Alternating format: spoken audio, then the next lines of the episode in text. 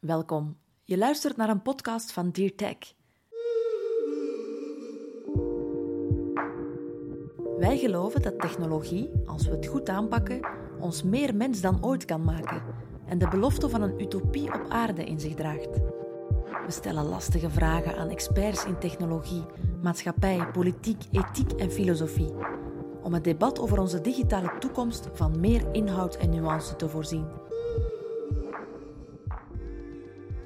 For this next episode of the Dear Tech podcast, I had the honor to talk with Luciano Floridi. He was and is now more than ever my idol, if there is such a thing in philosophy of technology. With the charm of an Italian and the class of a Brit, he welcomed me to the Internet Institute in Oxford, where I received enough brain food to last me a lifetime. Luciano is the biggest name globally in the field of tech philosophy, tech ethics, and also the future visioning on the desirable impact of tech on both man and society. He advises Google, co created the base for GDPR, and travels the world, trying to infect people with his creative emancipation towards our relationship with tech today and tomorrow. But if I mail him for an interview, he says he would be honored, and he invites me to Oxford. What a man.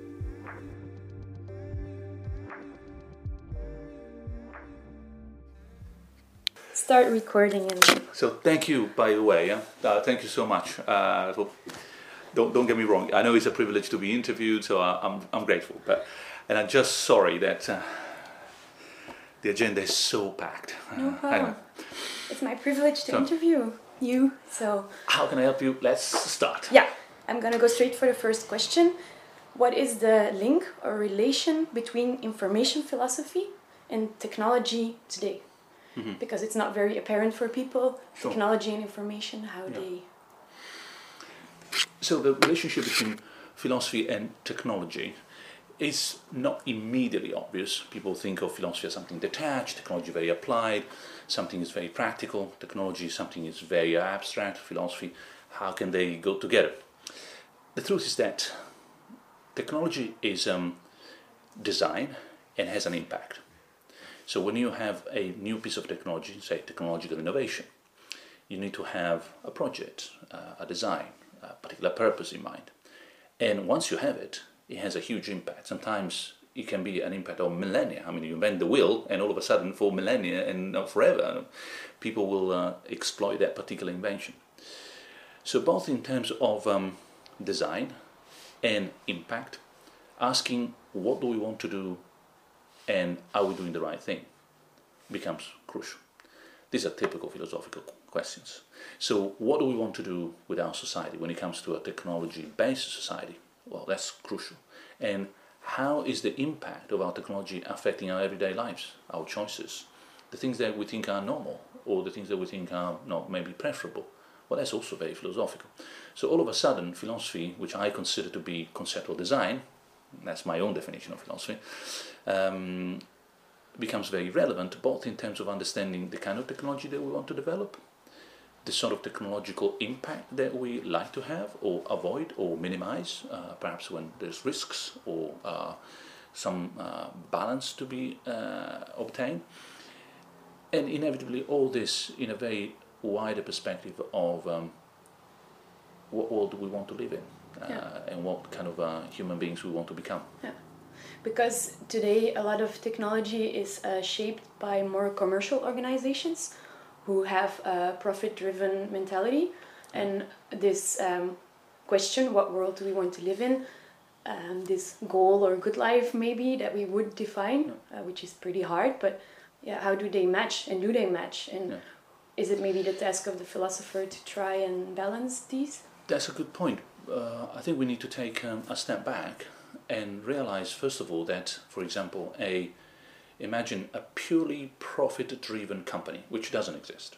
You know, uh, but imagine for a moment, um, that's also philosophy. It's a particular philosophy. Maybe it's a philosophy we don't like, a philosophy that we think is not the right philosophy, but philosophy is it anyway.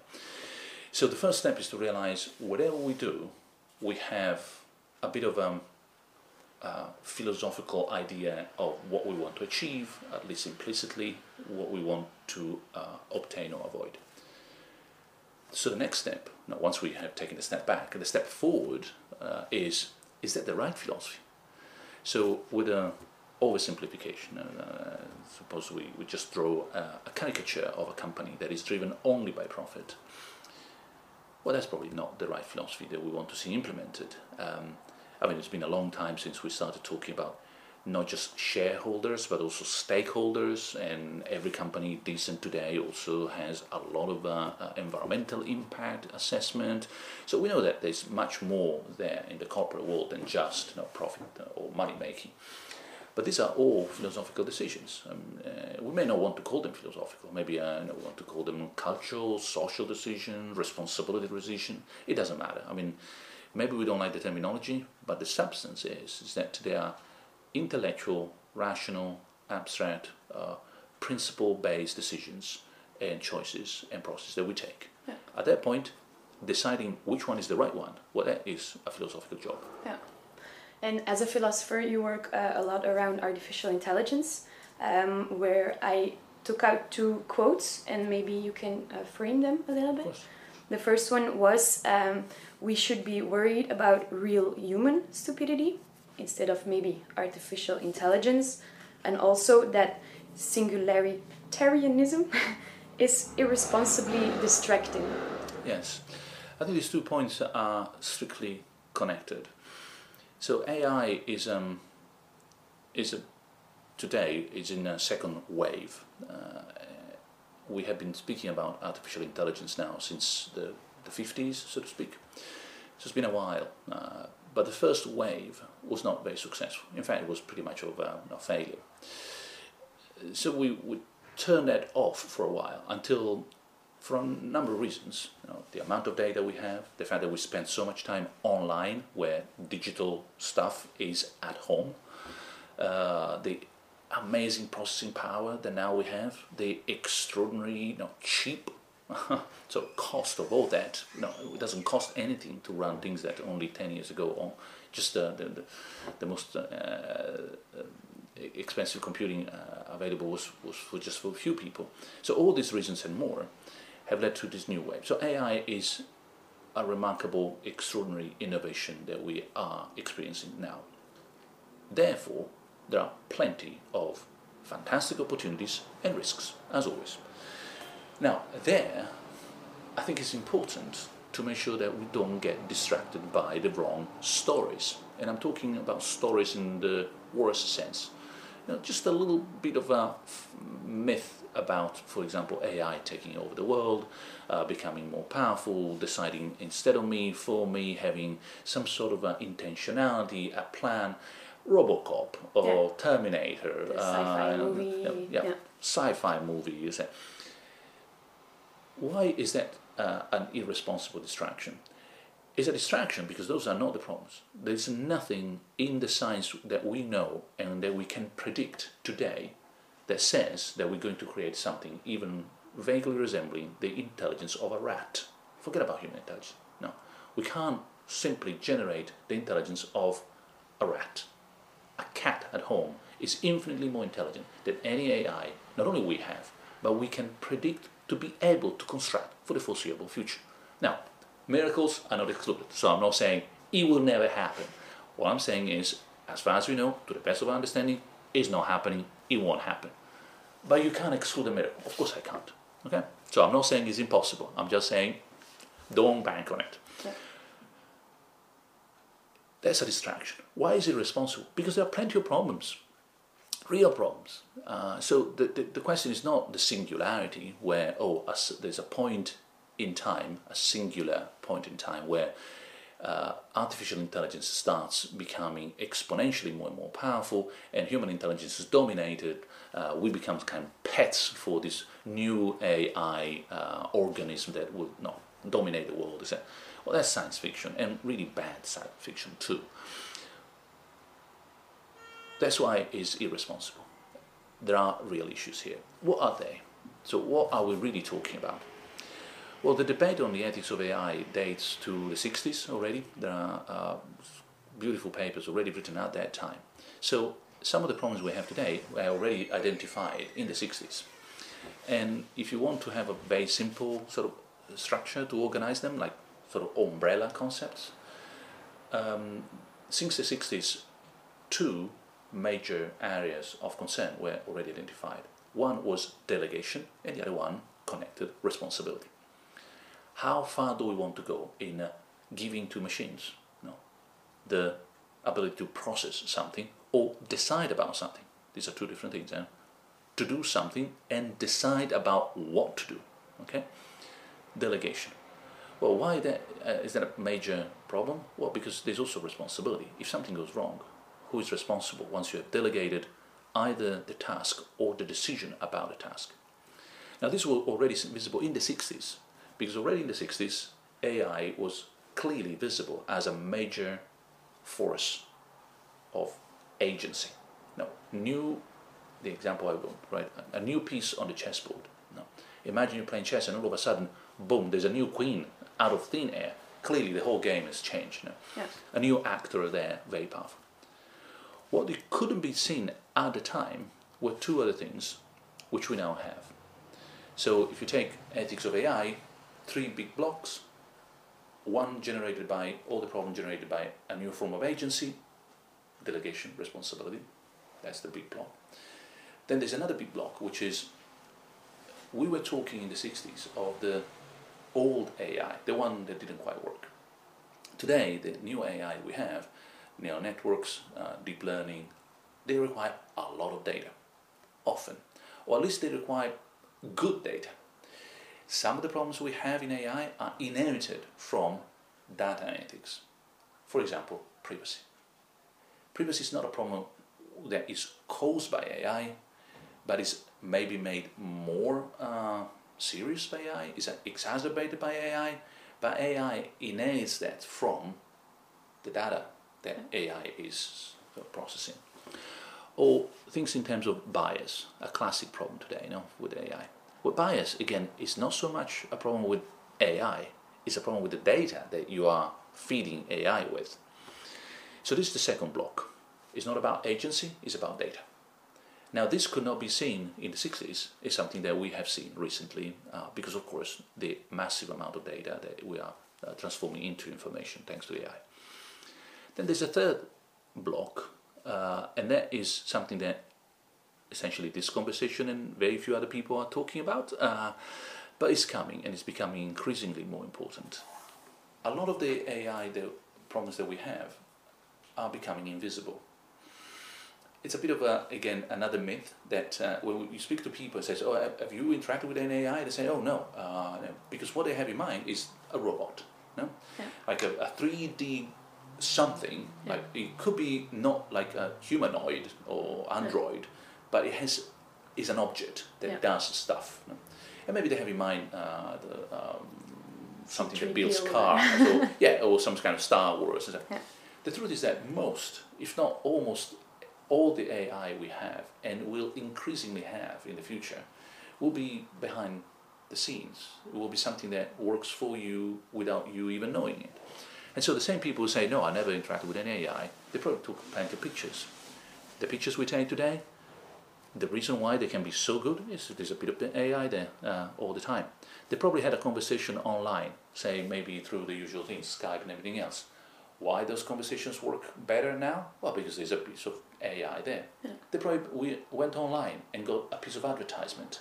That advertisement has been managed by AI. Yeah. So there's plenty of AI that is doing things for us, but we don't see it. Yeah. Why is that a problem? Because a lot of that is gently nudging us in particular directions. Yeah. And it might not be not necessarily nasty, but it's actually transforming, sort of, uh, shaping our own choices, preferences, yeah. options. And so, as a joke, imagine you started liking a particular uh, um, sport. Well, next thing you know, uh, AI here or there on a, a social platform, on, on a particular website, uh, maybe in terms of news you are actually reading, is talking only about their sport. So I realized recently, for example, that I was becoming convinced that squash, which is not a very popular, was something that everybody no, was talking about. Of course, so I'm very keen. I know I used to play for my college team and so. And so I click on a number of times. Of course, AI picks that up, gives me all the squash related stuff. And all of that, you start thinking that squash and football oh, are pretty much as popular as. Uh, of course not. I mean, it's not even remotely. I mean, they're not comparable. But so, but this is a classic uh, issue that we are seeing happening. Yeah. So the three blocks: agency, data, Yeah. and influence. Yeah. Influence is going to get bigger. Agency, as since the 60s. Um, data, I would say, for people like ourselves, researchers, since the 90s. But influence, so is new. It's something we're seeing happening now. Now back to your question, why singularity and the other stuff is a distraction and irresponsible? Because these are real problems. Yeah. The real issues that we're talking about human lives being affected on a daily basis in terms of billions of people. Yeah. So that is the real world. Yeah. and that also maybe touches more on the um, on the ethical questions whether you can um, steer a person's um, image of how the world looks that hard um, and when i was going through your work i also saw that um, in terms of ethics you uh, said that um, the ethics of information that they cannot be based on uh, virtue ethics which is um, a form of ethics that more people uh, know the, the good and the bad and the opposites and all the Aristotelian thing. Um, and I wondered if you could explain why we cannot use the virtue ethics as a Mhm. basis. Um, maybe because our world is too complex, or we cannot see in the far future, or we don't have an idea of the ideal uh, middle between two. I think this uh, needs to be clarified, otherwise it sounds like I'm against virtual ethics, and I'm not. Um, but every particular theory has um, a scope. you know, it can be applied up to a certain point. So virtual ethics comes from, from antiquity and is to a large extent an ethics of the individual for the individual. And it's based on the uh, assumption, uh, which in some contexts is justified, that if every element of the system behaves well, well, the system will behave well. So imagine if I were to say, look, uh, if you have five people in the room and uh, each of them is a virtuous person, well, then you have a virtuous group. Yes, but that's not entirely true. I mean, there's, a, there's some truth in there when groups are sufficiently small. I mean, it's not wonder that everybody has probably in mind the individual, the family, the community, uh, the small city, the village. But when it comes to large numbers, there's a fundamental point about coordination. So I might be a virtuous person and you might be a virtuous person, but unless we coordinate, my virtuous behavior and your virtuous behavior may actually be in conflict. So um, unless there are, for example, uh, rules of the game or uh, ways in which we could be competing with each other in a virtuous way, you know, like in a sort of sport way, you know, fairly, uh, say, like, uh, well then it becomes quite unclear how not we become evil, but we become ineffective. So my being virtuous and your being virtuous doesn't make a virtuous difference to the whole group. Now, let me give you just a simple example. So, suppose I'm, I'm a nice, virtuous person, and I see a car there that is uh, broken and needs to be pushed. I'm a virtuous person, I do my duty, I think you know, the right thing to do here would be to go there and push. I go there and push. Useless. Okay? Now you are a virtuous person too. You see the broken car, and say, oh, the right thing to do, I, I need to go there and, and help and push. Unless you and I and other three people get together and we coordinate, we're not going to move the car. So the view that virtuous ethics has, and I'm oversimplifying here, is that it's all about the individual, that society is only no, an assembly, no, uh, a lot of individuals together. There is nothing more in the we the people, just to call the American Constitution, than just you, me, Peter, Mary, and Laura. So that the car, every effort helps. That if I push and then you push and then someone else push, we will make a difference. We won't. Now, this is not working. So let me give you a more concrete example, environmental ethics. Maybe I won't print that particular uh, email which says, no, don't print this email. And maybe you won't either. Are we going to change the world? No. Why? Because we're not coordinated. Because there's not enough no, power and um, group agency that makes a difference. So what happens with virtue ethics is not that it's wrong, but it's not good enough. Uh, so it was meant to be something for individuals and groups, small groups. When it comes to large organization, complex, as you mentioned, things that cover perhaps anyone on this planet, we need something else. We need to put the, all the virtuous person together, but we need to coordinate them according to some kind of more general normative so group-oriented uh, approach. Now, if you see this uh, carefully, I mean, this is already true in Plato. When Plato is trying to describe the city and the mind at the same time in the Republic, and that's why it's so confused. Is that a philosophy of mind book or is that a political book? Or is both? Because for Plato, you know, the virtuous individual is the virtuous city, and the virtuous city is the virtuous individual. Now, you can see that that kind of almost, but not quite work at that stage. At a much bigger, more complex stage, it breaks down. So, it, so my criticism is not virtue ethics is not good, but it's insufficient. Of course, we want to have no virtuous individuals, but thank you so much. And in fact, to me, it has the defect of being stuck in. Uh, in a wrong age, an age of individualism, where all I care about is who am I, who should I be, what should I do, why should I do it? The four fundamental questions. And if you see what is the constant here is I. Ethics should not be about the I. It should be about the you, the other. This is a long sort of discussion, but ethics should really move from an agent-oriented, who's issuing the actions, to a patient-oriented, who's receiving the actions. And this happens uh, you know, in many contexts, in medical ethics, in environmental ethics, uh, in bioethics. What we do is not asking who should I be, what should I do, but more like what's the right thing to do for that particular environment, for that sort of receiver of the actions. Yeah. And maybe I'm not even virtuous.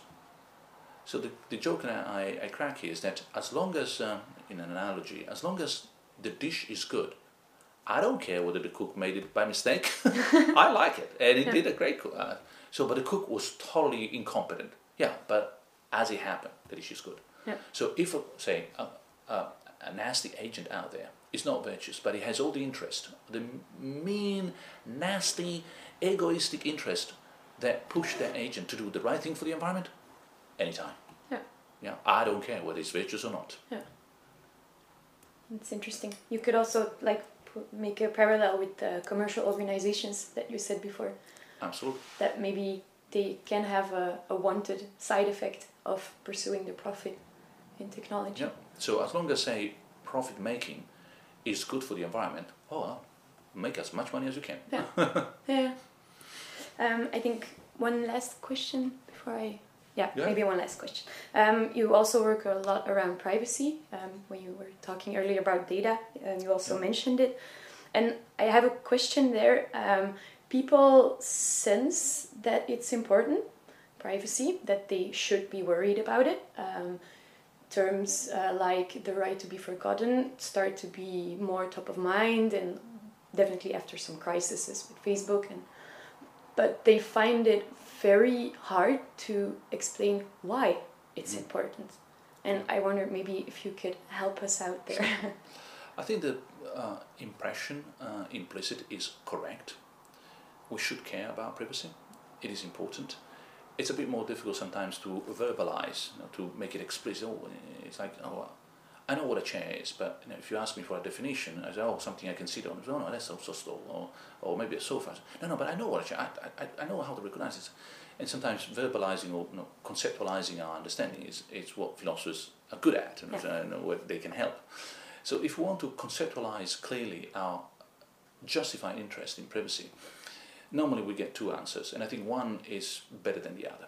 One is, oh, it's because of, it's, it's all about my data, not my information. But then we get carried away, and that's the answer I don't think is particularly good. So, oh, I care about privacy because I care about my information, and I care about my information because there's a philosophy of economics here. It's my property. It's like uh, I care about my house, or I care about my car, or my shoes. Um, I own it. Uh, it's mine, and in the most classical way of def- defining property, I have the right to exclude other people from using it, which is not typical liberal way of understanding ownership. I don't think it's particularly good, although the debate is still open. It's a very, it's much more popular, shall we say, oversimplifying in, on the other side of the Atlantic in America. It, it tends to invite um, analysis in terms of regulation by using economic tools. So maybe we should have um, the right to sell data, uh, our own personal data. Maybe we should have market forces regulating privacy as a property and so on. It's based on the view that uh, my information is my space. Uh, uh, privacy uh, breach is like um, trespassing in my own space. All that metaphor, which is pretty much like a Far West. So, I think that that is wrong um, as an overall approach because it's confused. It confuses what it means to say my information with my car, when in fact what I mean by that is probably my body my hand, my eyes. It's not that I own them, but they are part of me. No, my hand is not something that I bought yesterday, uh, or my lungs, or um, the same way which says, oh, uh, it's my life. Oh, is that something you has a ticket on it and you bought yesterday at the supermarket? No, no, what I mean is it's me. It's what constitutes me, what makes me me, as opposed yeah. to you. So, so my memory, for example my memories is not something uh, that I have a, a, price tag on it. So my in my car is a, a, sense of ownership, but my in my memories, in my feelings, my life is a sense of belonging. It means constitutive of who I am. And therefore, that's why I care. It's like caring about my own personal identity. So we move from a philosophy of economics, like trespassing and all that, to a philosophy of mind or personal identity. If you infringe in my privacy, you're basically uh, undermining or challenging or potentially sort of uh, affecting who I am, my own identity. Now, someone normally replies saying, "Oh, but there's plenty of data about you who's not you. Like uh, what you had for breakfast this morning surely doesn't define you, or the kind of airline I'm going to take today to go to Paris." There is some truth there a little bit, but not too much. It is also true that I can sell my hair no, for wigs. So there are parts of my body that we accept as something that it's you, but it's not so much you that you cannot sell it no, yeah. or commercialize. Uh, what we cannot do is to sell my liver we do not allow that. Uh, say, oh, but it's my body, it's my property. No, it's not your property, it's who you are. And we don't want to put you under market pressure to commercialize something that should not be regulated by market uh, forces. Likewise, when it comes to your very personal, private, constitutive information, which is not like your hair or the cells we are sort of leaving behind us on a biological level all, day, All the nails I, I, you know, I clip. Uh, no, something that really makes me me, but we shouldn't put them under a commercial sort of cloud. No, we shouldn't transform them into something that you can sell or not sell, because that would be like selling your body. That would be like prostitution, pretty much. It would be like allowing people to sell their, their liver. We don't do that with our bodies. We don't do that in sort of prostitution. We shouldn't do that with the considered information of who we are. Now, unfortunately, technologies that we have are called information technology for a reason. I mean, they manipulate information. They they are there to attract our attention, to manipulate uh, uh, our interest, uh, and constantly sort of manage our, our, information. That's why we need to be careful. That's why I, I like what we do here in Europe. We're more careful about, uh, for example, um, human dignity, which is the foundation of our own understanding of privacy.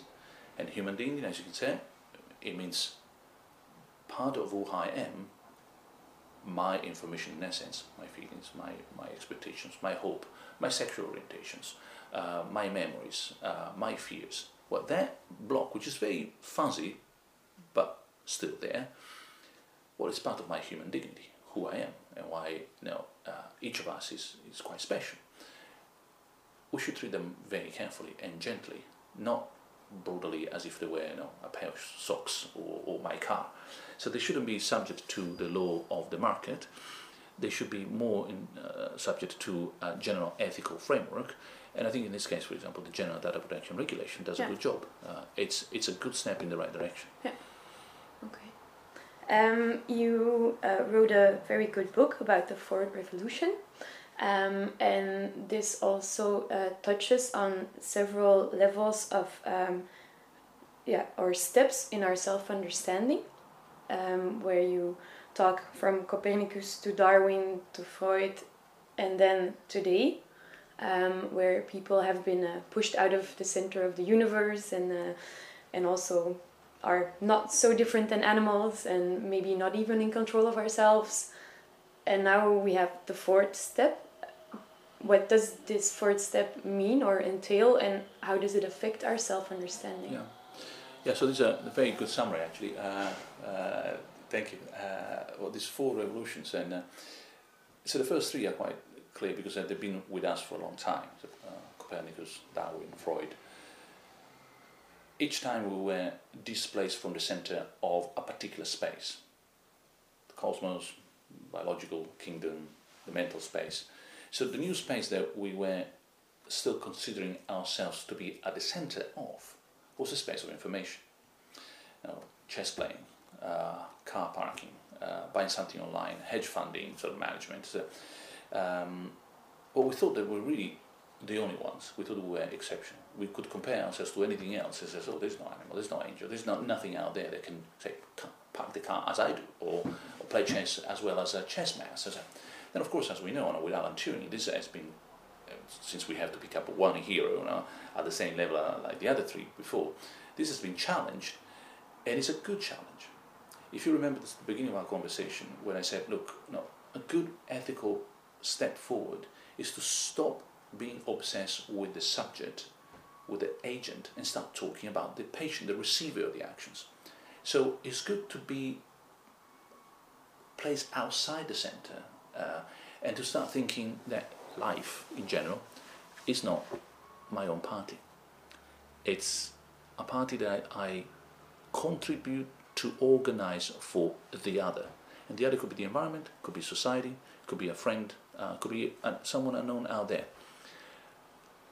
A couple of points here. Um, continuing on this, but I'll come back to the it's for the other. Continuing on, on this line of reasoning, uh, it means that um, we've been displaced from the centrality in the world of information. The normal question is like, oh, is there any other centrality that we can still enjoy? Wrong question. We should stop thinking in terms of where can I be at the center of? Uh, can I just reorganize the world so that it's all about me, me, me, me, because I'm worth it? not L'Oreal. uh, no, uh, I think it's a good lesson that we're learning the hard way. Uh, I mean, every previous dislocation has been painful. I mean, Copernicus very much, Darwin, Freud. Every time we try to resist, we say, no, I don't, I want to be at the center like a, like a crying baby, humanity.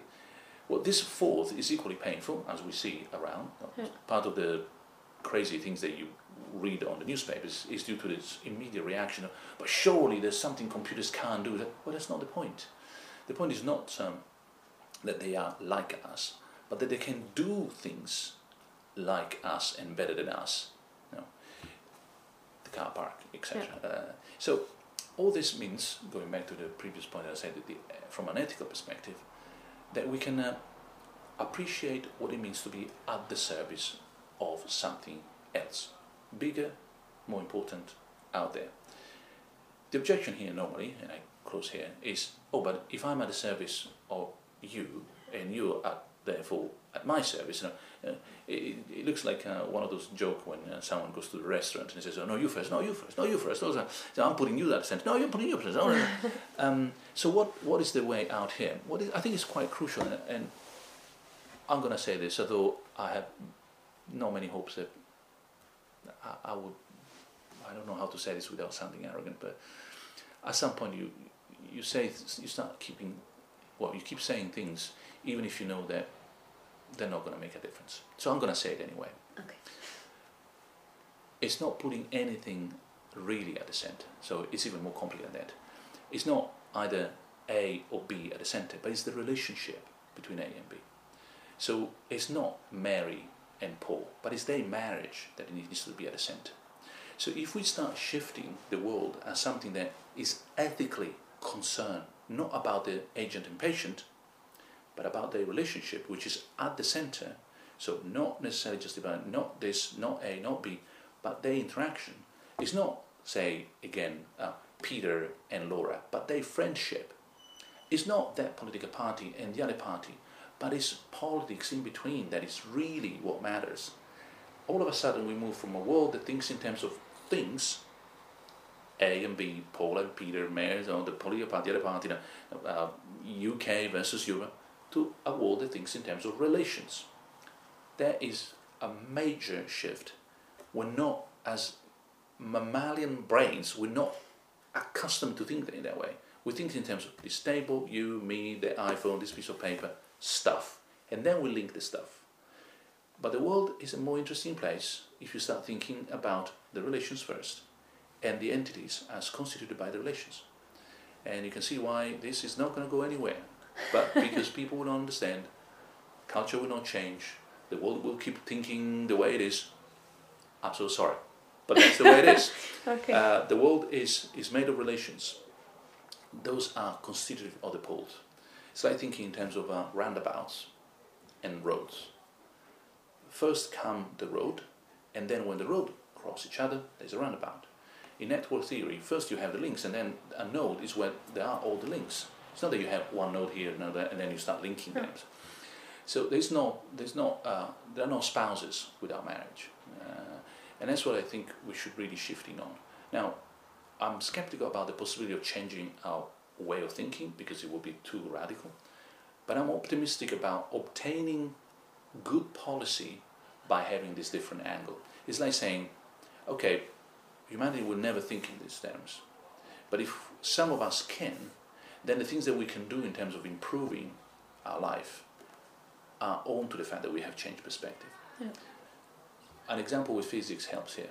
We cannot think of a world that is round, in the middle of nowhere, speeding with uh, uh, uh, at a- an amazing velocity through the universe. That's, that's not what we perceive. Um, but by thinking in that way, we can actually put a robot on Mars accurately, no, from here to there. Their physics has got nothing to do with my intuitions about how solid this table is and uh, know how know, flat this, this world can be, etc. And everything to do with amazingly counterintuitive physics, which is the real thing.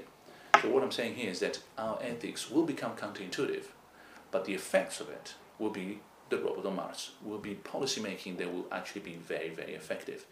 I'm more optimistic about the effectiveness of the consequences of doing the right thinking rather than changing the way in which we're going to think. We're not going to change that. It's almost impossible. And can technology help in that sense? Oh, we don't? Yeah. Because knowing that the Earth is round, we only know that because of technology Absolutely. and how neural networks are copied. It's Well, we know it because of science, but uh, Yeah, but, science. Uh, but The- yeah, I mean, not science, technology. I mean, our uh, the advancement of our knowledge is exactly what helps us to accept the counterintuitive. Yeah. That uh, we're not, uh, sort of, for example, on a flat surface here, which obviously that's the way it feels. Yeah. That we're going, not speeding around or, uh, in a circle and then around. That that doesn't feel that way, and- and so on. But that is exactly what uh, science, knowledge, understanding, scholarship help us to push. Yeah. If we were to get stuck with our mammalian no, intuitions, we wouldn't have left the cave. I mean, essentially. So here's the distinction, and maybe uh, I, I close here because I need to go. Yeah. So ethics, ethical thinking or philosophical thinking can be very highly counterintuitive, and I don't have too much hope in terms of us changing our way of conceptualizing the world. It's just too difficult. In the same way as we don't do that in physics. However, as in physics, the results of what we can do in terms of just effort, scientifically, technologically, mathematically speaking, to do the right thing, can be achieved that in as well. We can do so counterintuitive and yet achieve the policy making that is required. Yeah. In that sense, I'm more optimistic. Okay. Yeah. that's a good note Yeah. to end on. Yeah, Thank you definitely, yeah. very much.